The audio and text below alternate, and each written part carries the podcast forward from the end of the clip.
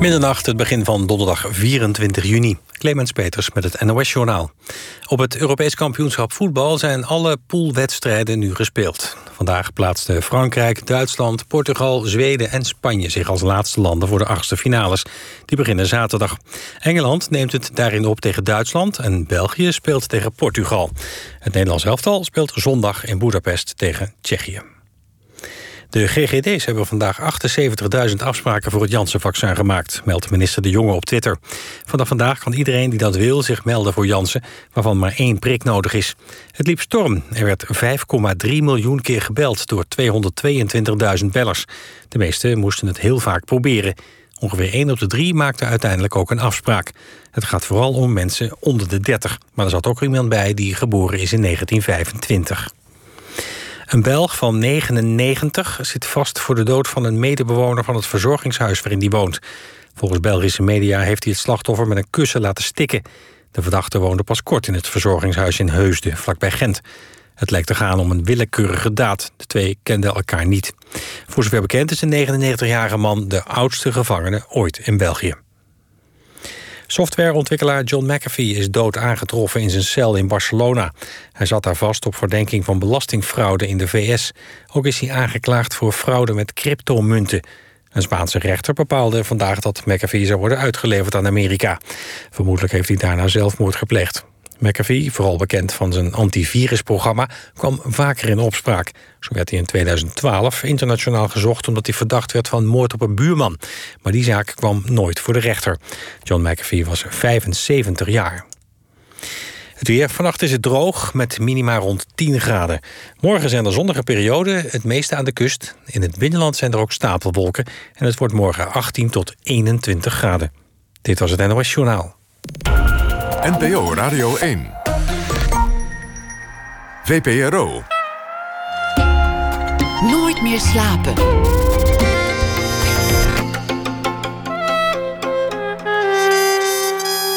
Met Pieter van der Wielen. Goedenacht en welkom bij Nooit meer slapen. Ooit was mijn gast die nu tegenover mij zit... een van de mannen achter het programma Plots. Een tweewekelijkse radioshow geïnspireerd op This American Life. Mooier wordt het niet, zou je zeggen, maar het omroepbestaan knelde. Chris Baayema, over hem gaat het, nam een onbezonnen stap.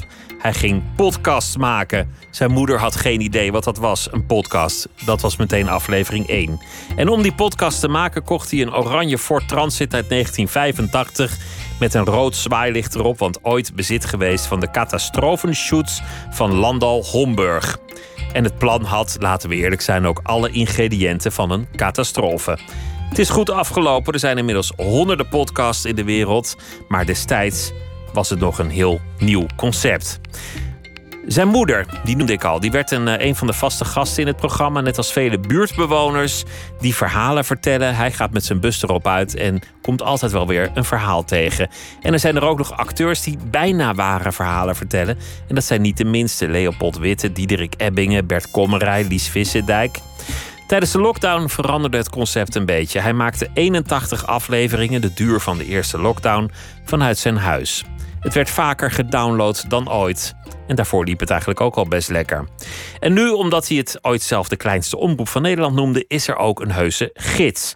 En die gids die ligt voor me. Dat is een soort kruising tussen de VPRO-gids, de Afrobo, de Troskompas, de Linda, de Kampioen, de Allerhande, de Margriet, de Donald Duck, de Playboy, de Autoweek, de Groene Amsterdammer. En heb ik nou echt alle tijdschriften die ik ken genoemd? Ik geloof het wel. Hoe dan ook. Het is een tijdschrift. Chris Baayema is hier en hij is van 1971. Chris, welkom. Klopt, ja, nou. Uh, ja. ben ik nog een tijdschrift vergeten eigenlijk? Nee, maar ik had zelf de Playboy er niet echt bij bedacht. Maar misschien zie ik er dingen in die er nog niet. Uh, nou ja, zie jij de dingen in die ik er nog niet in. maar het is een, een tijdschrift voor, voor iedereen. Wat was het idee eigenlijk? Nou, het idee was, ik begon uh, in 2015 met een podcast. Toen was ik eigenlijk ja, op mezelf begonnen en niet meer bij een omroep betrokken. En toen noemde ik mijzelf ook, omdat ik alles in mijn eentje deed, de kleinste omroep van Nederland. En toen droomde ik de hele tijd van een eigen omroepgids. Dat hoort erbij, hè? Dat hoort er echt een beetje bij, ja. En uh, dat is ja, een beetje in mijn hoofd blijven hangen. En uh, toen volgens mij aan, eind vorig jaar heb ik aan Piet Schreuders, de oude ontwerper van de VPRO-gids, op een gegeven moment een mailtje gestuurd van ja, Piet, zou jij misschien als ik een gids maak, zou je dat willen ontwerpen? En toen Want zei als je een gids maakt, dan moet je hem ook bellen, vind ik. ja. En toen zei hij ja. En toen kon ik, eh, ik probeer mezelf altijd in een val te lokken. En toen kon ik niet meer terug. Ja, Dat, en, is, dat is een leuk punt. Je, je probeert jezelf in een val te lokken. ja, dat moet je altijd. Zeker als je zelf alles zelf doet, moet je voortdurend jezelf in de val lokken. Dus je Dus- moet al dus- iets gaan zeggen wat je gaat doen zonder dat je denkt dat je het kan gaan doen. Want dan heb je het gezegd, kan je niet meer terug. Of je, of je koopt meteen een bus, Ja, want dan kan je niet meer terug. Want nu heb ik een bus gekocht. Dus het zou raar zijn als ik die bus had. En wat ga ik er dan mee doen? wat moet ik er dan mee doen? Sterker nog, ik had die bus eigenlijk gekocht voor een programma wat ik voor de omroep zou gaan maken, maar dat ging niet door. Toen dacht ik, shit, ik heb die bus. Ik moet iets met die bus gaan doen. En die bus was ook een gouden greep. Want ik had een rare oranje bus. Ik was niemand meer. Ik was niet bij een omroep. Maar ik was wel die man van de bus. Dus kon ik steeds naar die bus wijzen. Van ja, ik ben die man van de bus. En dan wilden mensen wel met me praten. Omdat het wel betrouwbaar leek. Anders zou je niet een bus hebben als het echt helemaal niks is. Dan, Als het niks is, nou ja, koop precies. je er ook geen bus met Ja. een logo. Ja, een logo. Net, ja, dat soort dingen. Je maakt een logo. Dan, is er, ja, dan moet er wel een programma bij komen. Je moet allemaal dat soort dingen steeds opwerpen. Het is een mooie levensfilosofie. Zet jezelf eens onder druk. Breng Ja. jezelf eens in de problemen. Ja, moet Heb je, je een zeker plan? doen. Zorg dat je niet meer terug kan. Ja, Teken een contract. Investeer eh, meer geld dan je hebt. ja. Het is tegelijk ook een recept voor catastrofen. Maar ja sommige dingen ja, Stress lukken ook is niet. goed voor je. Stress is, ja, stress is echt wel goed. Ja, kan je ook lijden onder die stress? ja, S'nachts wakker schieten van de stress? ja zeker. Tijdens het maken of als je dingen eh, aan het bedenken bent... of denkt van ik kom er niet uit... of hoe moet ik het nou aanpakken... en waarom belt die man niet terug... of heb ik het wel goed gedaan? Dat soort stress heb je wel als maker. Het is helemaal je eigen stress nu. Ja, Het is niet een baas die jou op, opbelt met zijn stress. nee. En die stress wisselt ook heel erg. Want ik heb natuurlijk een eigen programma... maar ik moet ook mijn eigen geld ver- verzamelen. Maar op, op het moment dat ik aan het maken ben... ben ik voornamelijk aan het maken. En dan denk ik helemaal niet meer aan... oh ja, maar je moet ook weer Er moet een sponsor, sponsors, komen. of sponsor een- komen of de, de luisteraars moeten dona- doneren. En dan, dus dat, dat gaat dan weer in fases. Maar het fijnste is natuurlijk als je gewoon een keihard aan het werk bent. Toen jij begon was de podcast een relatief nieuw concept. En zeker om het, om het gewoon als baan te doen. Om, om het als verdienmodel op Ja. te werpen. Daar begon je ook je eerste aflevering met je moeder. Die, die heel lief ging doen alsof ze heus wel wist wat een podcast was. Ah, wist ze echt niet. En ze had geen idee. En je kreeg het er ook niet echt uitgelegd. Nee. In de tweede aflevering wist ze het volgens mij nog steeds niet. Weet ze het nu wel? Ja, ja, ja nu weet ze het wel. Ja. En nu heeft ze ook een app op de, op de iPad. En eh, dan kunnen ze ook echt eh eh, podcast luisteren en zo. Ja. En, maar, ja, en als je moeder... Kijk, als je voor jezelf begint en je hebt een moeder zoals ik... die ging ook bijvoorbeeld... ik had natuurlijk ook postertjes en flyertjes. Ja, want ik je moet wat. Maar die ging dan echt mensen in de trein aanspreken... en een flyer geven. Van ja, mijn zoon is nu begonnen met een podcast. En die, ja... Oh, wat is een podcast? Dan ging mijn moeder vervol- vervolgens aan al die mensen uitleggen wat een podcast was. Dus die was een soort. Ah, dat ja, vind ik zoet. Een moeder die je Ja. tenminste steunt. ja, die ging het evangelie van de podcast ook verspreiden. Maar wat was hetgeen dat knelde? Waarom, waarom je dit ging doen? Ehm, omdat ik een idee had wat geen doorgang kon vinden in, in Hilversum.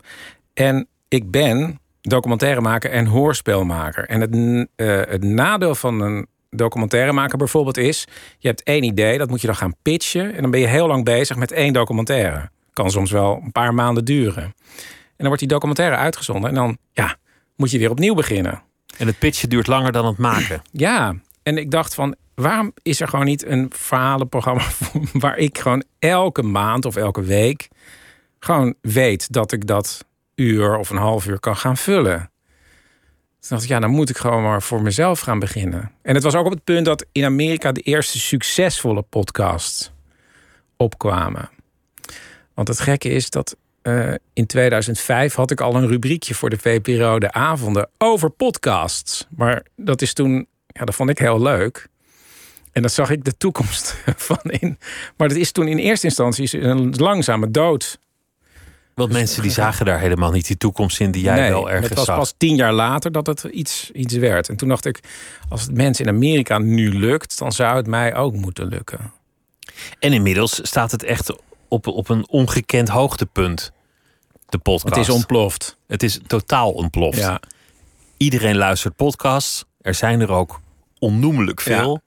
Je kunt over elke willekeurige hobby, neem Ja, dat is ook het hengelsport, leuk, ja. kun je er zo 15 vinden. Ja. Waarvan er 13 ook best wel leuk zijn. Ja. Ja, in 2000, ja, in 2005 waren er in Amerika al heel veel podcasts over barbecue, ontdekte ik. Een soort niche van mensen die dat leuk vinden om naar te luisteren. En dat is het leuke van een podcast. Je kan het helemaal naar je eigen ja, maatstaven inrichten. Wat jij leuk vindt, kan je gaan maken. Laten we eens gaan luisteren naar een, een stukje helemaal eh, uit, het, eh, uit het begin. Dus we, we hebben de, de begintune. En dan, dan leg jij een beetje uit wat, eh, wat de bedoeling is. Oké.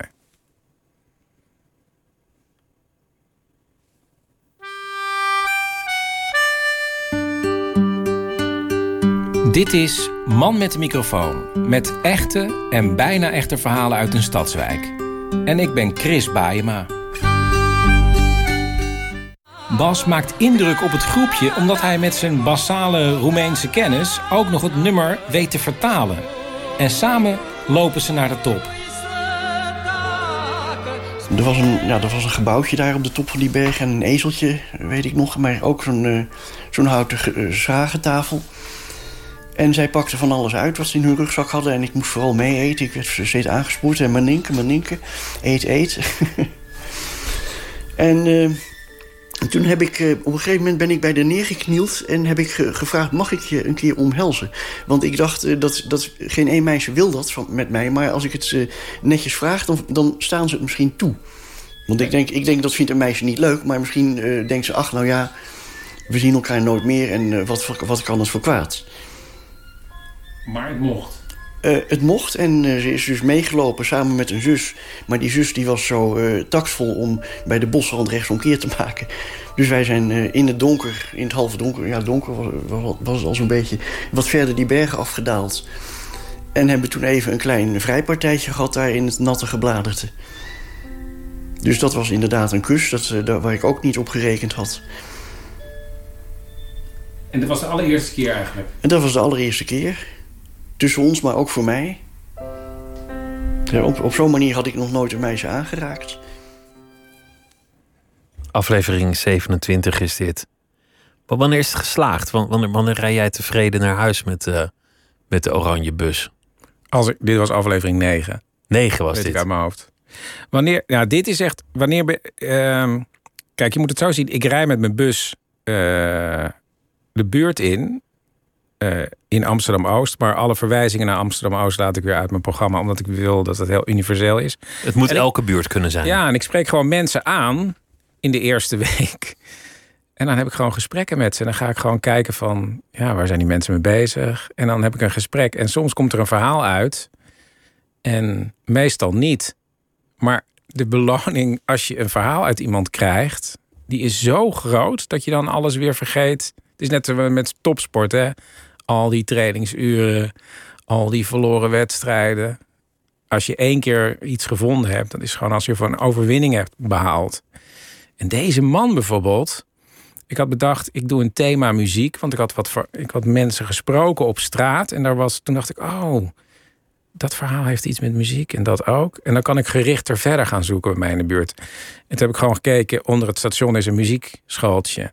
En er staat dan waar je muziekles in kan volgen. En ik vind accordeon op een of andere manier heel leuk. Dus ik dacht, nou ja, ik bel gewoon de accordeonleraar op. En of ik bij hem langs mag komen, ja, dat mag. En ik ben daar gewoon gaan zitten, ja. En ik ben gewoon met die man aan, aan de praat geraakt.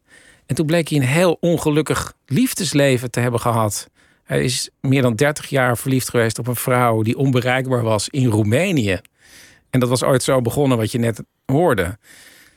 En ik heb de vrijheid om dan dat verhaal gewoon helemaal uit te typen en met hem op te nemen. En als het niet goed is, dan tijdens de montage dat ik denk ik mis nog wat, ja, dan ga ik nog even naar hem terug om nog wat extra op te nemen. En als het helemaal niks is, dan gooi je het weg. Dan gooi ik het weg. Ja, Nu begrijp ik ook wat, wat er knelt. Je wordt niet erop uitgestuurd van...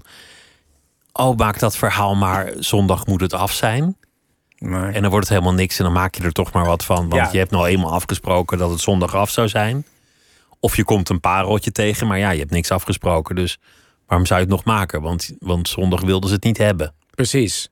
Dus En- dan, dan heb je eigenlijk van tevoren al het toeval uitgesloten. Ja, ik, ik hou heel erg van het toeval en de toevallige ontmoetingen. En eh, als ik zo'n gesprek met een man heb, ik hoef het niet in vijf minuten te proppen. Dus ik heb sinds ik die podcast eh, heb, ontde- ontdekt ook opeens, wist ik ook niet hoor van tevoren, dat ik de vrijheid had om een verhaal precies de ruimte te geven die het nodig heeft. Dus als het in vijf minuten verteld kan worden, dan is het vijf minuten. Als het een kwartier is, is het een kwartier. Terwijl als je iets maakt voor een programma, dan zeggen ze ja, je moet Zeven minuten. Zeven dat is de- minuten. De, tijd. ja, terwijl misschien is het maar drie minuten. Dat kan ook, hè, dat het veel korter eigenlijk is. En die, eh, die luxe heb ik gewoon. Ga je elke dag erop uit? Nou, nu, de afgelopen jaar niet. Omdat ik, ik eh, ja, sinds die lockdown en ja, ik voel, voel nog steeds niet de.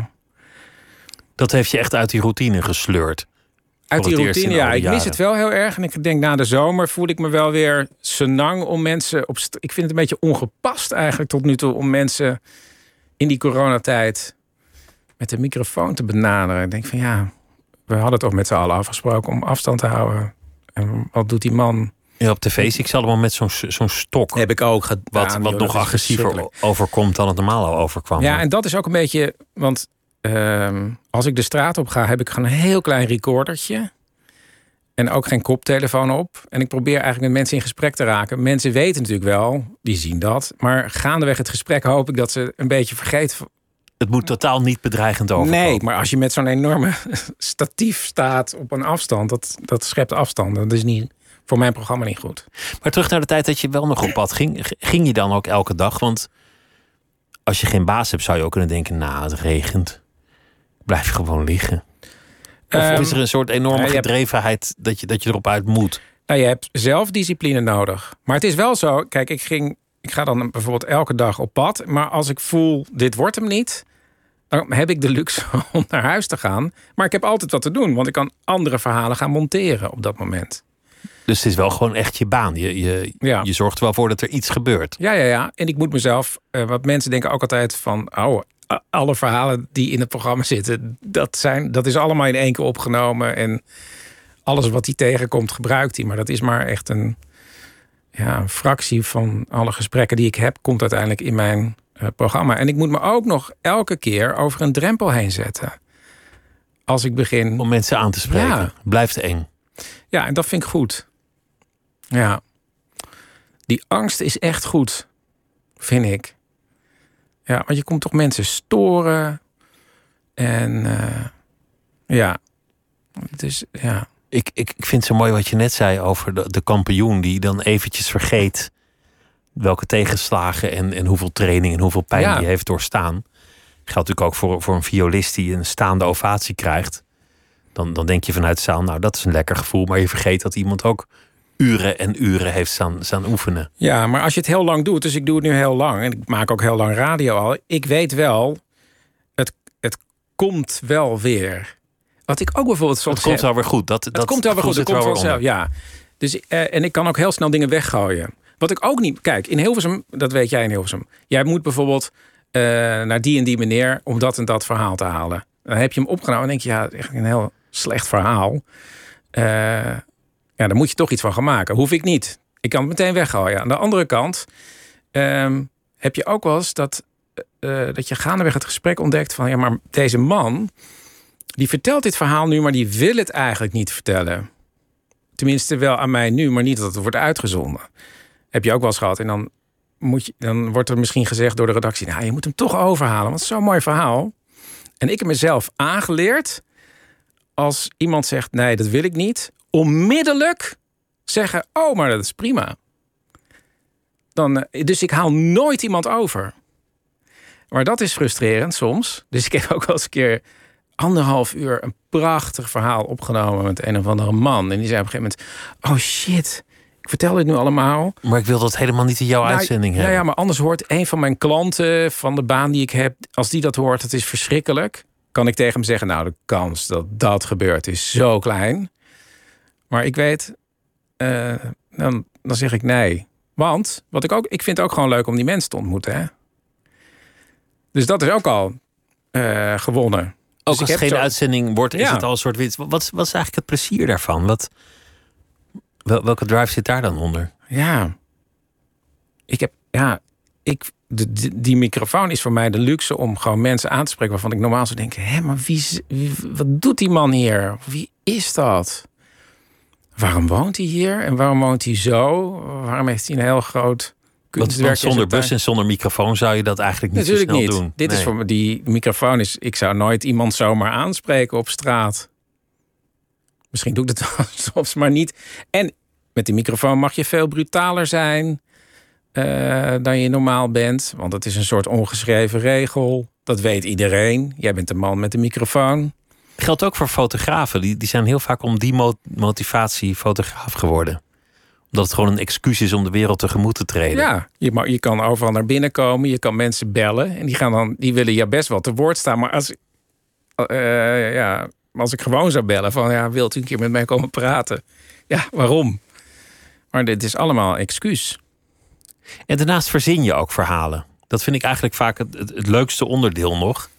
Verhalen die waar hadden kunnen zijn of bijna waar zijn.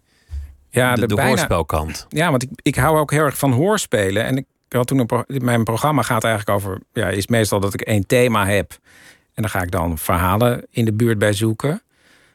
Ehm, maar ik hou ook heel erg van hoorspelen. En dan kan ik daar ook scènetjes voor schrijven. En vaak is een thema. Ik noem bijvoorbeeld water. Het maakt me niet uit, weet je wel. Als ik begin met water en het, het, het, het drijft af in het verhaal. Maar het begon met water. Maar het is wel een mooi verhaal. Dan past dat wel binnen dat thema water. Maar eh, die scènetjes kan ik veel meer op dat thema schrijven. Dus dat, en die scènetjes lijmen dan de rest van de uitzending als een mozaïek beter aan elkaar.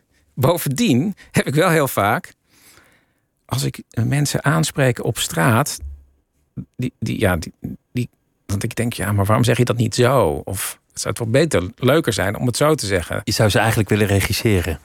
Ja, dat kan wel een beetje. Want als iemand iets. Je kan wel vragen: kunt u dat nog een keer zeggen? Of, eh, maar met, met die, die acteurs doen precies wat je wil. Dus dan, ja, dat is superleuk.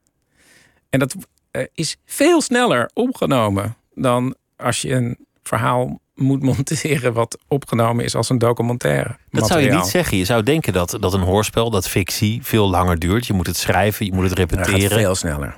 dat staat er zo Veel op. sneller. Ja, staat er zo op. Ik, eh, meestal schrijf ik het ook heel snel. Want het zijn maar hele korte scènes. Dus dan in een ochtendje heb ik een scènetje geschreven van een paar minuten. Dan print ik dat uit. Dan bel ik een acteur. Of van tevoren bel ik meestal al een acteur van... kan ik morgen met jou een scène opnemen? Want dan kan ik op die acteur die scène schrijven. En dan eh, neem ik een paar eh, briefjes mee... waar het, de scène op uitgetikt is. En dan eh, oefenen we dat een keer. Maar dat zijn hele goede acteurs. En dan kan ik het gewoon in stukjes opnemen... zonder dat ze op een briefje kijken. En ze wilden eigenlijk allemaal ook meteen vanaf het begin. Ja, Al die topacteurs. Ja, want ze wonen ook een beetje. Ze wonen A bij mij in de buurt. Eh, dus ze hoeven niet heel ver te ze reizen. hoeven niet ver weg. Ze hoeven niet in de schmink. Ze hoeven niet te wachten op het licht. Ze hoeven niet te wachten op het geluid. Het is voor die mensen heerlijk. Ze komen gewoon binnen. Eh, ja, eh, eh, ik kan bij ze langskomen, bij ze thuis. Het staat er in no time op. Natuurlijk in vergelijking met als ze iets moeten doen voor een film. Ja, Jouw vrouw, Paulien Cornelissen, die, die is hier ook meerdere keren te gast geweest. Die had op een zeker ogenblik een, een heel leuk boekje geschreven over. Het was een cavia, geloof ik. Een cavia die op een kantoor werkte Ja. en toen op een dag besloot van, nou, dit leven is niet voor mij. Ik ga voor mezelf beginnen. En die begon een, een rijdende goulashkeuken. ja.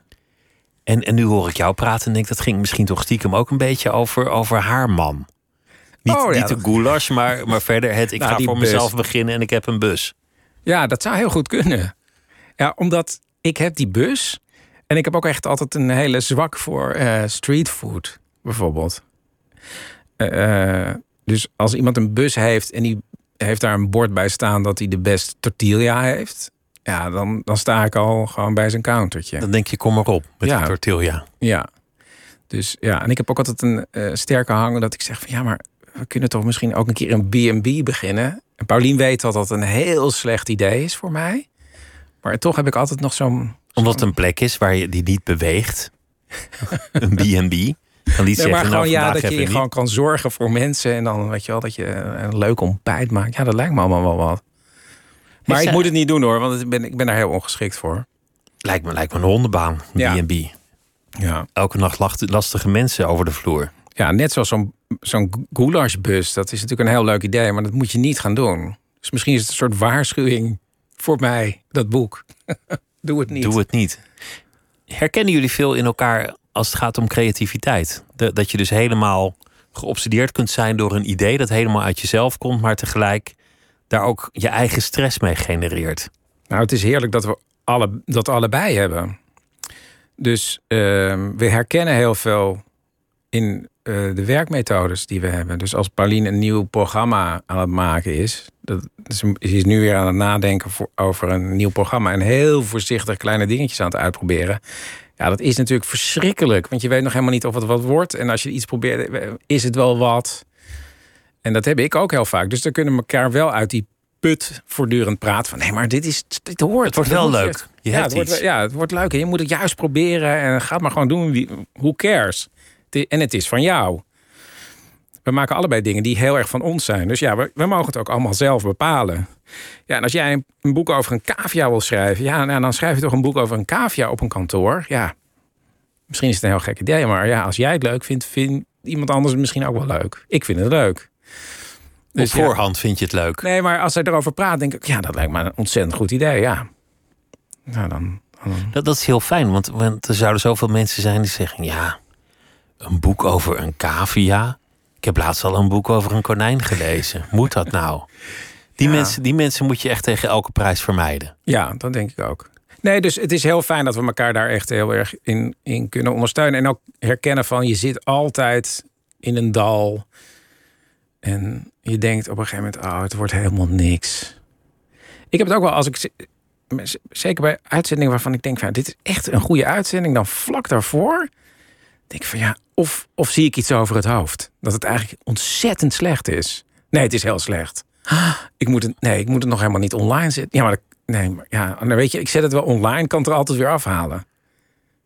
En ja, en dan, terwijl ik er al dagen op gezeten heb en dagen over nagedacht heb en echt bedacht dat nee, dit is echt wel goed.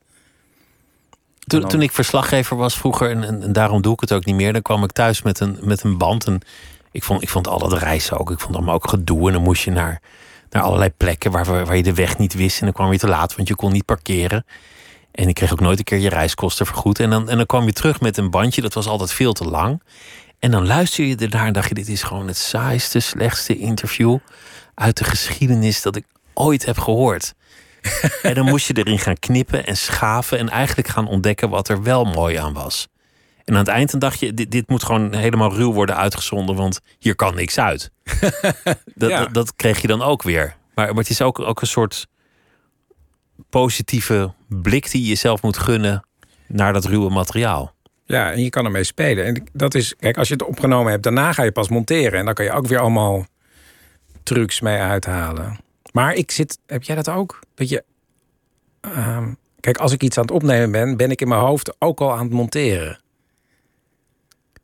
Dus als ik denk je: oh, dit gaat er straks uit. Loop Ja, maar lekker raken. Ja, dit gaat eruit, maar ik moet wel zorgen dat dat overgangetje wel goed opgenomen is. Dus dat moet ik misschien nog een keer opnieuw op- opnemen. En het begin is goed.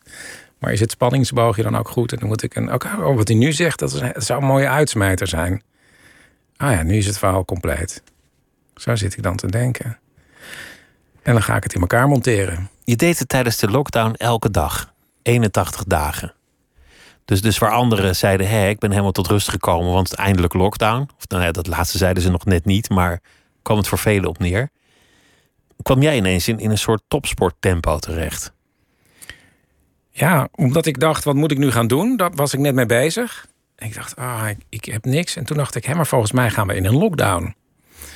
En, maar om me heen had niem, zag ik niemand die dat ook dacht. Toen dacht ik, hé, maar Het gaat gewoon gebeuren. het gaat gewoon gebeuren. Toen dacht ik, ja, weet je, dan, nou, dan ga ik gewoon wat scènetjes schrijven. Van, van, we gaan in de lockdown. Dus toen heb ik drie dagen achter elkaar fictieve scènetjes geschreven. Maar toen zaten we inderdaad in die lockdown al. Na die eerste uitzending was, dat was ook de dag dat de lockdown begon. En toen had ik ook de vrijheid om na drie dagen te denken, ja, maar Dus dat was 13 maart 2020. 12 maart. Is 12 de alle- maart. Ja, is de allereerste uitzending. En na drie dagen dacht ik, oh, maar als het nu echt een lockdown is, dan moet het helemaal niet fictieve scènetjes moeten het zijn. Het moet gewoon gaan over mijn eigen gezin. Dus je, de, de blik naar binnen. Dus niet met de bus naar buiten, maar gewoon in Ja, je naar eigen binnen. gezin. Op zoek naar uiteindelijk 81 verhalen. Ja, maar en toen dacht ik ook, maar ik kan wel aan mijn luisteraars vragen om verhalen in te bellen. Dus toen heb ik aan luisteraars gevraagd: ja, heb je ooit ergens opgesloten gezeten, zoals we nu met de lockdown zitten? Opgesloten of ingesloten? Of... En toen ze- mochten mensen drie woorden inspreken. En dan kon ik weer selecteren uit, aan de hand van die drie woorden wie ik terug ging bellen om verhalen weer op te nemen. Dus dan, ik had verhalen van mezelf, uit mijn eigen gezin en van de mensen die luisterden, die inbelden. Dat, dat bleef eigenlijk het thema opgesloten zitten. Ja, dat was heel gek. In een abstracte zin dan. Ja, want ik, ik dacht, nou ja, dan doe ik eerst verhalen over eh, opgesloten, ingesloten. Dus heeft u eigen lockdown-verhalen, bel maar in. Maar mensen bleven maar bellen.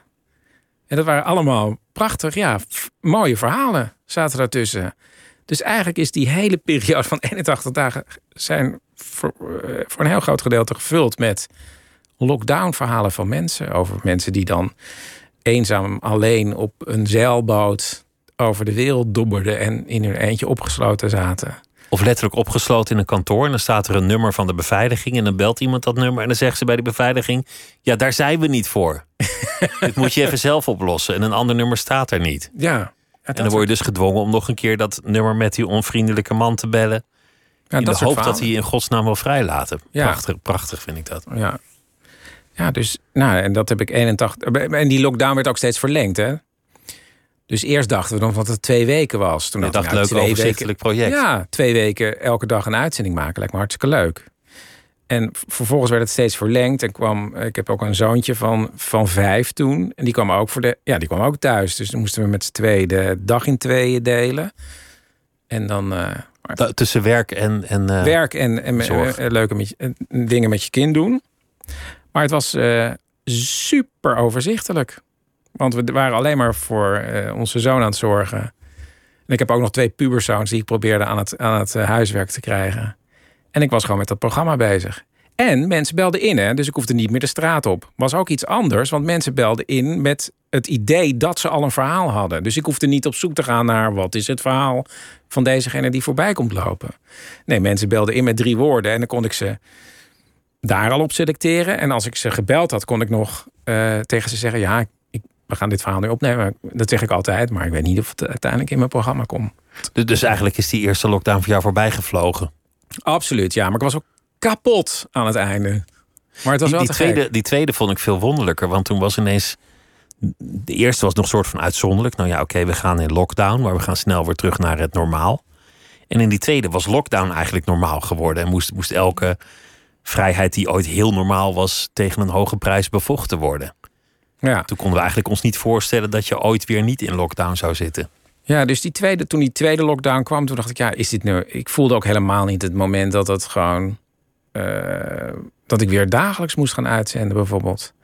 Merkte ik ook aan mijn luisteraars, hè? Want in die eerste lockdown waren mensen helemaal op dat programma van mij ook. Heel erg op dat programma gefocust. Toen was het Dat allemaal nieuw en exotisch. Ja, nou ja, en mensen vonden het ook fijn. Van er is iemand die elke dag die deze situatie aan het beschrijven is. En na de zomer ja, begon ik elke week uit te zenden. Maar ik merkte ook aan mensen van ja, weet je, wel, eh, de, zal maar zeggen, de, de betrokkenheid vervloog ook een beetje.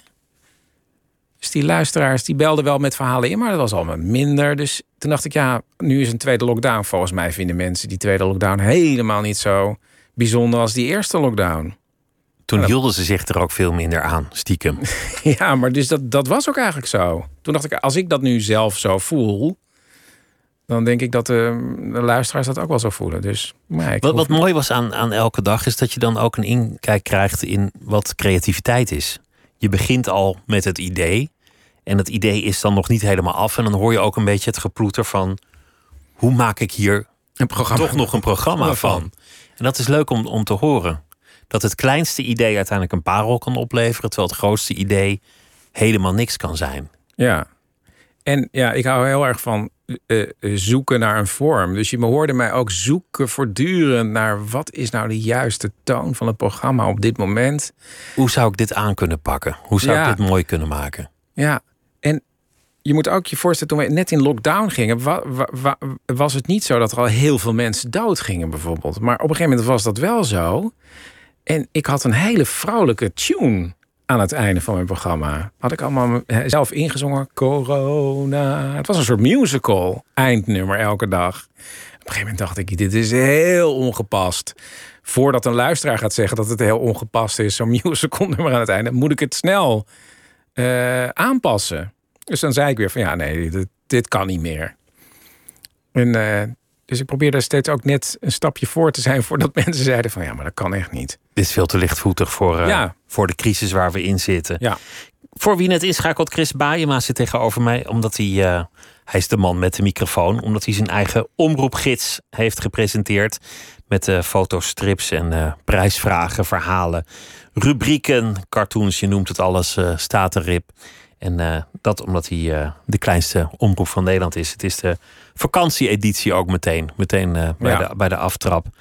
Wa- Was jij ook zo'n jongen die, die als kind al helemaal gek was van radio en hoorspelen en audio? Ja, ik zeg wel eens dat ik, maar zeggen, ik heb een soort hang naar de jaren 50 die nooit bestaan hebben. Of heeft. Een soort fictieve jaren 50. fictieve jaren 50. En ik hield heel erg van naar de radio luisteren. En op een gegeven moment was er ook, ontdekte ik dat er ook hoorspelen waren. Dat vond ik heel leuk. En als kind had ik zo'n cassette-recordertje. eh, Zo'n mobiel cassette-recordertje waar je ook dingen mee op kon nemen. Dus ik had er heel vaak met een vriendje gewoon ja, programma's op te nemen. Op een cassette-recordertje. Ik heb ook nog een keer een programma gedaan waarbij ik op zoek ging naar dat cassettebandje. Dat heb ik helaas nooit gevonden. Die is verdwenen, dit Ja, feestgedruis. ja. Je, va- je vader was belastinginspecteur. Ja. Je moeder onderwijzeres. Ja. Het gebeurde allemaal voor een groot deel in Amstelveen. Nee, ik ben in Amstelveen geboren, maar ik ben in Vijfhuizen opgegroeid. Gewoon een dorpje bij Haarlem. Ja. Een heel Klinkt, klinkt saai, klinkt degelijk, klinkt ja, eh, heerlijk. Ja, ook heel heerlijk. harmonisch. Ja, fantastisch. Ja, ik heb ja, niks, ja, niks te klagen. Hele leuke ouders, een leuke zus. En was het wat de radio die je toen maakte al een beetje hetzelfde? Op zoek naar verhalen in je eigen omgeving? Dat weet ik niet. Ik denk dat we alleen maar tv-programma's nadeden. Zo in de hoofdrol en zo. Dat denk ik. Ik denk, dat, niet- ik denk niet dat ik durfde, naar buiten durfde te gaan om verhalen van andere mensen op te nemen. Nee, dat denk ik niet. En wanneer ontdekte je hoorspelen? Ja, ik denk dat, het, dat ik daar een keer naar geluisterd heb. Ik kan me wel herinneren dat ik als puber ook, dat heb ik een keer uitgezocht, volgens mij was ik 16 of zo. Toen had ik ontdekt dat er een ontzettend oudbollig hoorspel was van de NCRV op zondagavond over het wel en wee van een dominee. Maar ik, ik was er toch door gefascineerd dat je met alleen maar stemmen dus een soort omgevingetje kan creëren. Waar je dan je eigen beeld bij kan vormen. En dat vind ik altijd zo prettig. Dat je. Ik vind het ook dodelijk. Ik hoop niet dat dit wordt uitgezonden, bijvoorbeeld. Op de, dit is dan zonder beeld, mag ik hopen. Oh, dit, je bedoelt... Ja. Je bedoelt eh, Ja, maar dat vind ik dus. Waarom. Oh nee, ik dacht dat je gewoon de hele uitzending bedoelde. nee, nee, nee. Van, van, van dat deze kwartje ook nog in de zender eh, op wordt geslingerd. Ja, dat wordt het. Nee, Nee, dus dat vind ik altijd zo dodelijk als er ja, maar camera's staat, bij radio zijn en zo. zie mijn ogen goed dat het heel donker staat. Dus mensen zien echt Ah, geen, geen reet van wat wij nu Oké. bespreken. Nee, maar dat vond ik gewoon heel, heel leuk. Ja. En ik had ook het geluk dat ik op een gegeven moment met een paar andere mensen mee kon regisseren aan een heel langlopende hoorspelserie Bommel.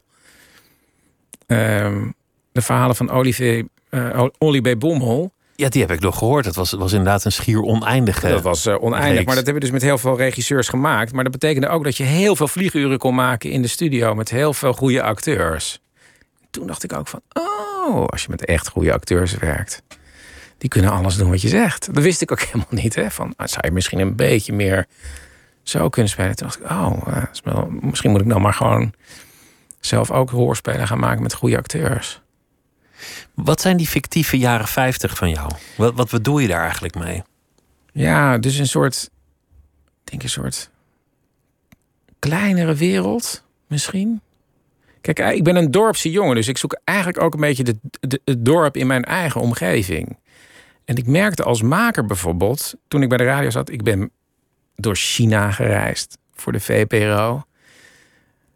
Eh, het hele land door. Het, dat ben ik eigenlijk niet. Weet je wel? En ik vind altijd. Dus je, moet- wa- je was niet, niet de grote buitenlandverslaggever of... Nee, Of nee. En ik denk dat ook heel. Ik vind ook, ja. Je moet heel erg zoeken van wie ben ik zelf en wat wil ik zelf maken. Niet wat klinkt op een feestje ontzettend goed. Van ik was in Hongkong. Ik was in Hongkong. Ja, en, ja, ik kwam er niet zoveel verder mee. Van, ik, ja, en ik had hele mooie dingen opgenomen. Ik dacht van ja, ik vind het een ontzettende armoe. Dat ik helemaal naar de andere kant van de wereld ga om daar een mooie verhaal op te nemen. Terwijl misschien liggen ze ook gewoon twee straten verder. Wat, why eigenlijk? En waarom ga ik naar Heerenveen rijden om een verhaal op te nemen? En dan denk ik, oh shit, het is niet goed genoeg. Moet ik weer helemaal naar Heerenveen? Toen dacht ik, eh, die dingen kan ik combineren. En ik kreeg ook een kind. Toen dacht ik, ja, eh, mijn eigen buurt. Nou, ligt vol met verhalen. Waar kwam die gedachte vandaan Nou, omdat ik eigenlijk? dacht van, ja, wie ben je nou echt zelf? Dat past bij jou. Dat past bij mij. Eigenlijk, eigenlijk geen heel provinciaal. Eigenlijk een, een dorpsjongen in de stad. En ja, dat- ik ben een dorpsjongen in de stad. Ik mag ook graag iedereen groeten op straat. Vind ik, gewoon goed. Ja, ik vind het ook goed. Maar het nadeel is als je één keer iemand groet... dan zit je er de rest van je leven aan vast. En, en voor je het weet loop je permanent te groeten. Ja, vind ik ook wel interessant. Dus inmiddels vind ik het ook wel fijn als er mensen zijn die ik niet hoef te groeten. Ja, Ik denk, laten wij nou niet ook elkaar gaan groeten. ja, ja, kan. Nou, ik vind dat... eh, ja, Je, je had ook een project waarbij je willekeurige mensen een brief stuurde. nee, ik heb een keer 250 enveloppen willekeurig verspreid in heel Nederland. Dus die liet ik overal achter. In bibliotheek of supermarkt of gewoon in, in een park op een bankje. Met de vraag of mensen mij iets terug wilden sturen. Waar ik een documentaire over zou kunnen maken. En dan konden ze ook iets winnen. Volgens mij 250 euro wel. Oh, dat maakt het wel wat aardser dat er, dat er belangen waren. Ja, ik vind ook, ja, ja, daarom zit er ook een prijsvraag in dat magazine wat ik nu heb. En dan win je ook alle prijzen. Vind ik ook goed. Gewoon niet een eerste en een tweede. Gewoon alle prijzen. Alle winnen. prijzen naar ja. één persoon, net als in het echte leven. Ja, dat vind ik zo. Kijk, want mijn lievelingsboek was ook vroeger Sjaak in de chocoladefabriek. Weet je wel? Dat Ja, is het verhaal van een kindje wat een, een gouden wikkel vindt in een chocoladereep. En naar de mythische chocoladefabriek mag. Om te kijken hoe daar al het snoep gemaakt wordt. Dat idee dat je een envelop dus in dit geval vindt met een kans op een prijs. En je kan er dus zelf in die envelop iets stoppen. En als ik het leuk genoeg vind of bijzonder genoeg om er een documentaire van te maken, dan win je die prijs. Dus dan weet je al dat die mensen getriggerd worden om iets bijzonders in die envelop te stoppen. Hoeveel mensen stuurden iets terug? Nou, ik had een hele hoge eh, terug. Ik, volgens mij is de helft van die enveloppen teruggestuurd. oh, dat vind, ik- vind ik echt dat wel veel. ongelooflijk veel. Want ik zou denken, dit is een flauwe grap, laat toch zitten. Oh, stond er ook Nee, wel VPRO bij, zeker? Dan, eh, Ja, ja, ja.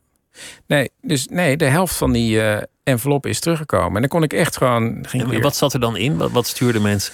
Nou, dus dat, wat ik een hele leuke vond, was een flyertje van een bandje uit de jaren, begin jaren 70. Die heette The Lions. En die intrigeerde me heel erg, omdat ik dacht, ja, dit, dit ziet eruit als een bandje uit de jaren 70. Ze zagen er allemaal uit als ja, het Nederlands elftal uit die tijd, 74. En toen had ik bedacht, oh, ik, ben, ik ga de manager zijn van deze band en we gaan een comeback maken. Dus toen ben ik gewoon gaan uitzoeken wie, wie, dat, wat, wat, wie waren dat en wat was dat voor een beentje. Nou, die heette The Lions. Die kwamen uit Beneden Leeuwen. En die, Bene- waar is beneden Leeuwen? ja, weet ik veel. Weet ik niet meer. Nou ja. Maar gewoon. eh, dus, en die, eh, die zijn met mij weer een comeback gaan maken. En maar dat werd dan ook meteen een portret van zo'n bandje uit de jaren 70. Wat ik niet wist, was dat er heel veel, heel veel van dat soort bandjes waren. Die gingen van disco naar disco om gewoon top 40 nummers na te spelen. En dat was een enorm circuit van al dat soort bandjes. Dus het was en een portret van die mannen van nu, die terugkijken op het, het kleine succes van toen. En ze waren er allemaal nog. En je kreeg ze Nee, nee, allemaal... de leadzanger was helaas overleden. Dus dat, en toen dacht ik, oh, ja, kunnen we dan nog wel de comeback maken? Maar dat, ja, dat, vonden de anderen wel. En ik moest onderweg ook nog een van de bandleden overhalen, want die vond het maar een heel raar idee. En wat, wat, wat, wat is het voor een rare gast? En waarom gaan we dit doen? En ik was ook de manager, dus ik moest besluiten: ja, we doen de kleine zaal in het dorp en niet de grote sportzaal. Terwijl die, ik zag dat die mannen dachten: ja, die grote sportzaal, want vroeger waren ze bekend. Zeg ik, nou, we toch maar niet... eh. Ik was heel blij dat we niet de grote sportzaal hadden. Want dat was niet helemaal volgeraakt. Nee, dat was niet helemaal vol. Maar het was een legendarische avond.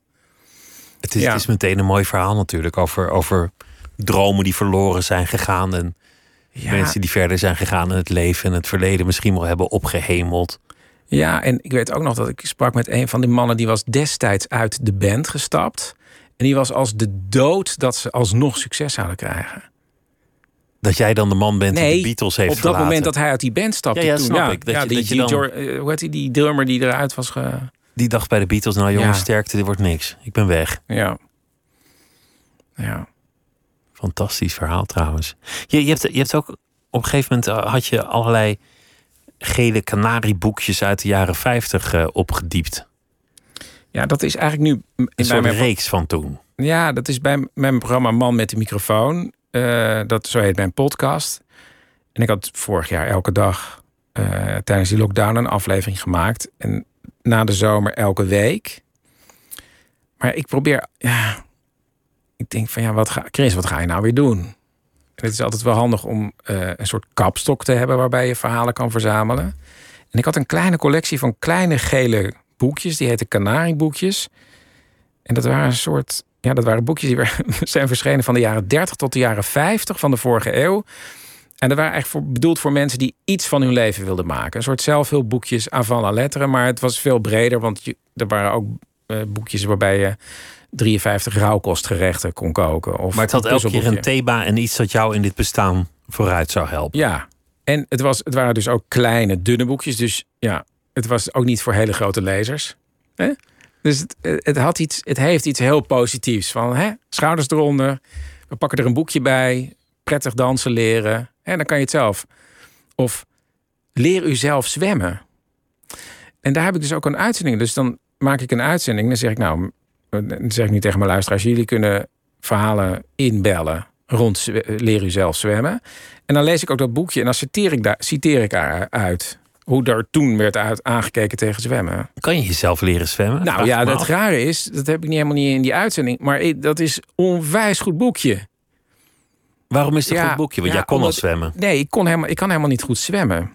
Maar er staan een paar dingen in waardoor ik dacht, oh, zo moet je, zo moet je goed zwemmen. Dus ja, ik kan het nu allemaal Maar zeggen, super onpraktisch om het water in te gaan met een boekje, allereerst. Maar hoe grappig. Leer u zelf zwemmen. Dat is Fantastisch. toch fantastisch. Er was er ook een over, over hoe je een goede roker kunt zijn. Ja, zo wordt roken een genot. Blijkt ook gewoon gespot. Dan zie je ook gewoon advertentietjes in, in, in zo'n Oh, boekje. oh, dat was, Ja. dat was door de, door de tabaksindustrie. eh, betaald. oh ja. En wat ik leuk vond, toen dacht ik, oh, dus het zijn allemaal onderwerpen. eh, solliciteren. eh, nou ja, en, en, en toen dacht ik, ja, maar wie kochten die boekjes? En ik heb ze zelf natuurlijk ook allemaal gekocht, want er zijn er 260 titels. En toen kocht ik op een gegeven moment een doosje van een meneer. En er stond het adres nog op. En die had eh, zes boekjes gekocht. Zelf een eigen zaak beginnen met 250 gulden. Zo bereikt u succes. Toen dacht ik, wie was die man? Dus toen ben ik gaan uitzoeken wie die man was. Die En, dat en doosje. of dat dan gelukt was, of het hem geholpen had. Ja, maar die, ik wist ook, dit doosje is uit de jaren 40. Dus de kans dat die man nog leeft is klein. Maar misschien vind ik wel familie van hem. En die heb ik gevonden. En die hebben met, hem, met, met hun samen heb ik het hele leven gereconstrueerd. Hoe, vind je die mensen dan met het telefoonboek? Of, Ja, telefoonboek, heel veel zoeken op, op internet. Maar er stond gewoon een adres hè, op dat doosje. Oh ja, dat helpt al. ja. En toen ging ik kijken en toen bleek dat er nog steeds in die buurt mensen met dezelfde achternaam woonden. En toen ben ik gewoon gaan bellen. En toen had ik binnen no time mijn nicht aan de lijn. En uiteindelijk heb ik ook nog een zoon, die was al 90 of zo, geloof ik, gesproken. Die kon ja, heel goed vertellen. Maar dan heb je dus het verhaal van iemand die rond 1900 geboren is. En eh, ja, in de jaren 60 is overleden. En wat heeft die man allemaal meegemaakt? En heeft het hem geholpen, dat boek? Is het, is het gelukt? Ja, die, ik denk die het wel. Ja, hij was garagehouder. En eh, een hele leuke, inventieve, uitvinderige man. Eh, ja, ontzettend. En als je dat tegenkomt, zo'n verhaal, ja, eh, fantastisch. En toen, en, en, en, en tussendoor was ik uh, dus uh, gewoon boekjes aan luisteraars aan het zeggen... nou, bel nu in over dansen. Maar toen begon ik me op een gegeven moment af te vragen... wie schreven die boekjes dan eigenlijk? Dus toen ben ik dat weer gaan uitzoeken. Bij één hele veelschrijver van die boekjes. Wie was dat? Nou, dat is de laatste aflevering. Dat is een fantastisch verhaal eigenlijk. Van... Je, het begint ergens en dan, dan ja. volg je de volgende lijn. En zolang je er maar in vastbijt en niet halverwege denkt: waar ben ik mee bezig? Wat dient dit eigenlijk? Gewoon door blijven zoeken. En dan, dan kan je als je een afslag neemt en die leidt ergens anders naartoe, ja, is prima. Want kan ook weer mooi worden daar. Kan ook mooi worden. En ik mag alles ondertussen beslissen. Dus ja, ik ben dus, baas. Dus uiteindelijk kan je de hele wereld uh, beslaan hiermee. Ja. Je kreeg ook een beetje een polygoonstem in het. Uh, ja. Je, je, je, wende jezelf een soort jaren 50 stem aan. Ja, dus ik heb een soort filtertje wat ik dan over mezelf heen trek. Als ik citeer uit die boekjes. Wat vaak hilarisch is natuurlijk hoe er in de jaren 50 over ja, dingen geschreven werd. Over roken schreven ze bijvoorbeeld. Zal je zien dat de niet-rokers op een dag het heft in handen nemen en ja, ons, ons genot gaan afnemen. Ja, pas op. Nou, dat was, een goeie, dat was een goede voorspelling. dat hebben ze scherp ja. gezien. Ja. Die dag kwam. Ja. Maar het is ook dus uh, uh, boekjes voor jonge meisjes in hun rijpingsjaren en zo. Met allemaal tips voor jonge dames. Nou, dat is ook uit een tijd die uh, lang achter ons ligt. Het zijn hele paternalistische boekjes ook. Noem eens iets. Ja, ja als er over banen bijvoorbeeld gesproken wordt... dan een, een, een succesvol meisje, ja, die wordt secretaresse. En dat is een volkomen dienende baan. Maar dat is dus het succes wat een meisje kan bereiken. Nou, daar zouden we nu niet meer mee wegkomen. Maar ik denk, in die tijd was dat dus al een soort, ja, zie ik dan, een soort reddingsboei misschien voor iemand. Om een stukje hoger op de ladder te klimmen. Een dienende baan. Een dienende toch? baan, ja. Ja, je hebt ook van die gezinsencyclopedieën uit de jaren 50. En dan moet, dan moet je een beetje pikante termen opzoeken. En dan, dan, dan schrik je van uh, wat je van masturberen allemaal kon oplopen in die tijd. Ja. Rugaandoeningen. Heel, heel slecht voor je, slecht voor je ogen. Nou, ga maar door. En uh, homoseksualiteit, een perverse afwijking die er door komt omdat je, dat je moeder te weinig aanwezig was thuis. Ja. Ja, dat schreven ze allemaal gewoon op. En dan en staat erop geschreven door professor, dokter, ja. et cetera. Leerzaam. Ja. Leerzaam is dat. Ja, maar omdat het zo'n breed kader is aan onderwerpen, Um, geeft het, ik vind het leuk. En dat het een beeld geeft van die, van die, ja, van die jaren. Ja, het zijn ook een beetje de jaren na de Tweede Wereldoorlog. Hè, dat we er weer iets van moesten maken met z'n allen. De schouders eronder. De schouders eronder. Vooruitkijken. Ja. Maar ook, er zijn ook boeken met moppen die je niet meer begrijpt. Bijvoorbeeld, vind ik ook zo interessant. Dat je denkt, wat is de clue hiervan? Wat is de clue? Ja. En ook, ja, uh, kookboekjes dat is ook heel raar. Kookboeken met uh, rauwkostgerechten. Dat je denkt, hé, maar dat is gewoon het boek Rauw, wat drie jaar geleden enorm hip was. Maar dat, dit, dit, is een boek uit het jaar 1941. Dat keert gewoon weer terug. Alles komt ook weer terug, zie je. Hoe zit het inmiddels met de zakelijke kant? Want, want dat lijkt me het minst leuke van jou. Uh, ja, dat is. Ja, dus je, je had een tijd een deal met, met een, een, een koffiebedrijf. Koffieketen, die hebben twee jaar gesponsord. Toen dacht ik, nou, nu gaat het lopen. Maar dat is gewoon. Dat is.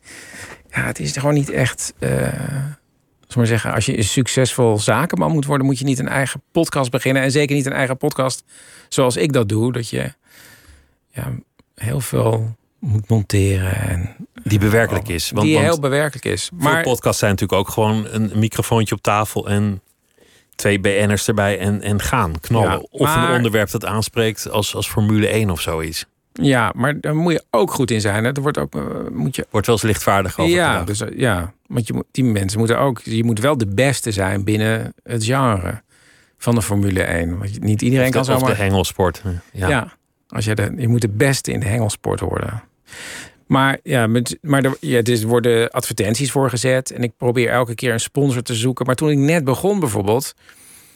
Toen zeiden mensen van... hé, maar kan je wel uh, journalistiek onafhankelijk zijn... als je gesponsord wordt?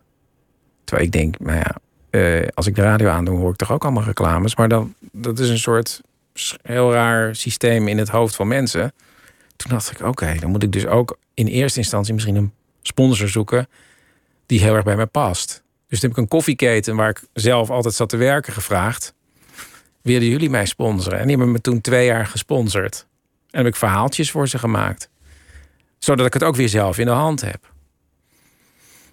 En ehm, Wat was hun idee eigenlijk? Dat, dat, dat je dan bij een cappuccino een verhaal kreeg? helemaal niet. Ja, het rare was, ik zei, willen jullie me sponsoren? En volgens mij hebben ze me gesponsord omdat iemand heel erg fan was daar van mij. En die zei, ja, dat kunnen we misschien gewoon wel doen. En ehm, dus toen hebben ze het een jaar gedaan. Want ze zeiden ook, ja, we hebben helemaal geen marketingbudget. Ik zei, ja, nou ja. Maar het, het bleef toch wel hangen bij ze. En ik had het geluk dat het tweede jaar zouden ze worden overgenomen door een ander bedrijf. En toen dachten ze, oh, dan kunnen we die gozer misschien weer vragen. En dan maakt hij verhaaltjes over dat we worden overgenomen... en dat we anders heten, maar dat de koffie nog net zo lekker is. Maar die, hele, die hadden ze met mij weer afgesproken een jaar door te gaan. Maar die hele deal ging niet door. En toen kon ik gewoon weer... Ik maakte elke keer gewoon een verhaaltje over koffie. En dan kon ik ook weer helemaal naar mijn eigen hand zetten. Dus dan ging ik wel weer op zoek naar hele leuke verhalen. Bijvoorbeeld dat er in de Hortus in Amsterdam een koffieplant is... die ooit geschonken is aan iemand in Brazilië... En die ene koffieplant, dat is de voorloper van alle koffieplanten in Zuid-Amerika. Dus alle koffie die we uit Zuid-Amerika halen, die komt uiteindelijk uit de Amsterdamse Hortus. Nou, dat vind ik gekkigheid. Ja, maar ook eh, Justin Bieber was bij die koffieketen gekomen. En dat vind ik dan zo grappig. Dus dan heb ik gewoon een reconstructie gemaakt met die medewerkers. Oké, Justin Bieber. Oké, hij kwam hier binnen. Heb ik een hele reconstructie gemaakt waar die stond, wat hij bestelde, waar hij naartoe liep. en hoe spannend dat was. Maar het is hartstikke grappig. En ze bemoeiden zich nergens mee. Dat is echt fantastisch. Dat was Ja. waarschijnlijk hetzelfde bezoek dat hij in het gastenboek van het Anne Frankhuis schreef. Ik weet zeker dat als ze nog Ja. geleefd had, dat ze fan van mij was geweest. Ja, Lief bedoeld, maar misschien niet heel handig. niet heel handig. Ik heb, ik, heb, ik heb ook een beetje het idee dat, dat, er, dat er iets nu is gaan jeuken na, na corona en de lockdown bij jou. Dat je, dat je de boel op de schop wil gaan gooien. Klopt dat? Ja, ik, ik, ik maak denk ik nog één uitzending voor de zomer. En dan ga ik de hele zomer weer nadenken wat ik nu weer ga doen. Ik heb dus nu dan zo'n gids gemaakt. Vind ik eigenlijk ook wel heel leuk. Oh, Een tijdschrift. een tijdschrift. Maar ik ga wel in ieder geval zo'n, zelf een kanarieboekje maken. Hoe maak ik een podcast? Vind ik ook wel heel leuk. Toen dacht ik, dan kan ik daar, want heel vaak mensen, vra- vragen mensen aan mij, ja, hoe doe, hoe doe je dat eigenlijk? Hoe maak je een podcast? Toen dacht ik, ik ga een boekje schrijven, hoe maak je een podcast? Toen dacht ik, nee, ik kan alleen maar zeggen hoe ik het mezelf maak. Dus hoe maak ik een podcast? Daar heb ik eigenlijk al een, een opzet voor. Dus dat ga ik ook nog naar de zomer doen. Zo'n heel klein boekje zelf Dat, dat, zou nog wel eens vraag naar kunnen zijn. Want, want zoveel mensen die willen. Een podcast maken. podcast. Iedereen wil een podcast maken. En iedereen moet ook een podcast maken. Natuurlijk. Ja, dus dacht ik, nou, dan heb je een handige handleiding. Geef ik een handleiding. Dan zeg ik alleen hoe ik het doe. Dan kan je misschien wat van opsteken. Wat, wat worden de belangrijkste tips dan? Wat, wat zijn de. Ja, dan moet Dingen die je geleerd boekje- Nou, ehm, nou ja, dat je... Ja, misschien is de, een van de goede tips ook van... dat jij de baas bent en dat je ook veel meer eh, kan permitteren... als je iemand aan het interview dan in het normale leven. Dat je echt gewoon... Ja, dan, moet, dan kan alles. Met zo'n microfoon kan alles. Dus als je een podcast maakt, kan, er kan gewoon meer. En die lol, dat er meer kan, dat kan natuurlijk op allerlei niveaus. Als je over die hengelsport kan een podcast gaat maken, dan kan je wel misschien die man van die hele goede hengels uitnodigen. Die producent, want die vindt het ook wel weer interessant. Dus heb je, kan hoger rijken, je kan verder Ja. komen. Ja, De microfoon opent deuren. ja. De man met de microfoon en de gids die eh, is vanaf heden eh, te krijgen. Met van alles en nog wat over de Canarieboekjes. En eh, als eh, kop staat erop Chris Baayema. Er was geen weg terug meer. Het eh, superdikke vakantienummer van de gids van de man met de microfoon. Dankjewel dat je langs wilde komen. En ik wens je heel veel plezier en heel veel mooie verhalen toe. Dankjewel. Dankjewel. En dit was Nooit meer slapen voor deze nacht. Morgen dan beginnen we gewoon weer helemaal opnieuw. En dan zit Vincent Bijlo hier. En die gaat onder meer vertellen over de radio. Want hij is een van de juryleden van de Zilveren Reismicrofoon. En de nominaties gaan eh, bekendgemaakt worden. Dat allemaal morgen. Zometeen Miss Podcast op deze zender. En ik wens u allen een hele goede nacht. Tot morgen.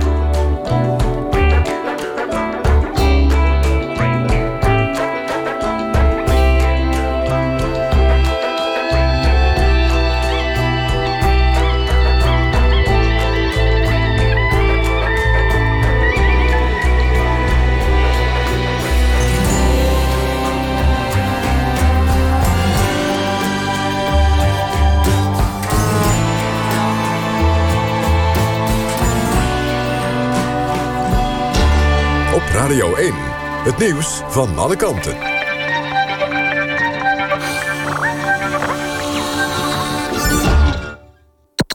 NPO Radio 1.